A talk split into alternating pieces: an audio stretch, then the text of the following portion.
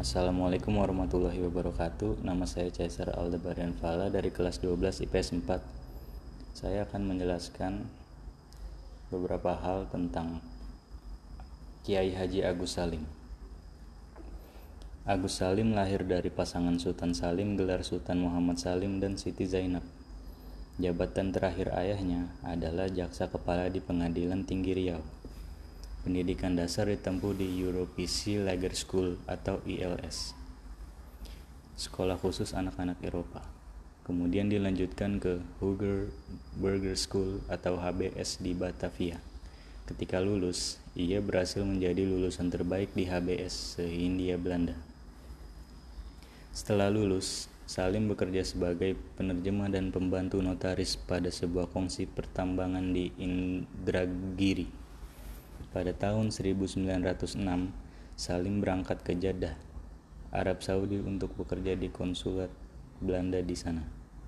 Pada periode inilah Salim berguru pada Syekh Ahmad Khotib yang masih merupakan pamannya. Salim kemudian terjun ke dunia jurnalistik sejak tahun 1915 di Harian Raja sebagai redaktur 2. Setelah itu diangkat menjadi ketua redaksi menikah dengan Zainatun Nahar dan dikaruniai 8 orang anak.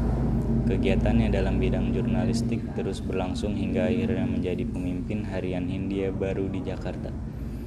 Kemudian mendirikan surat kabar Fajar Asia dan selanjutnya sebagai redaktur harian Mustika di Yogyakarta dan membuka kantor AIPO. Bersamaan dengan itu, Agus Salim terjun dalam dunia politik sebagai pemimpin Sarekat Islam. Berikut karya-karya tulis Kiai Haji Agus Salim 1. Riwayat kedatangan Islam di Indonesia 2. Dari hal ilmu Quran 3. Muhammad Fur'enna de Hijrah 4. Gatslatse Bootskap 5. Jejak langkah Haji Agus Salim Kumpulan karya Agus Salim yang dikompilasi koleganya Oktober 1954 Selanjutnya, karir politik. Pada tahun 1915, Haji Agus Salim bergabung dengan Sarekat Islam atau SI dan menjadi pemimpin kedua di SI setelah HOS Cokro Aminoto.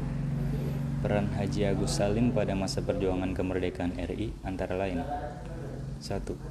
Anggota Volksrat tahun 1921 sampai 1924 2. Anggota Panitia 9 BPUPKI yang mempersiapkan UUD 1945 3.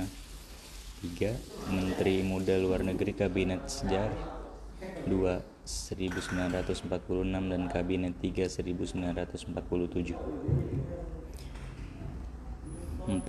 Pembukaan hubungan diplomatik Indonesia dengan negara-negara Arab terutama Mesir pada tahun 1947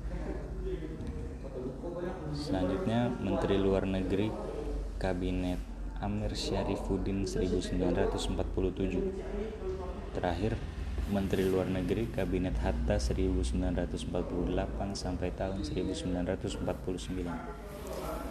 Sekian dari saya. Wassalamualaikum warahmatullahi wabarakatuh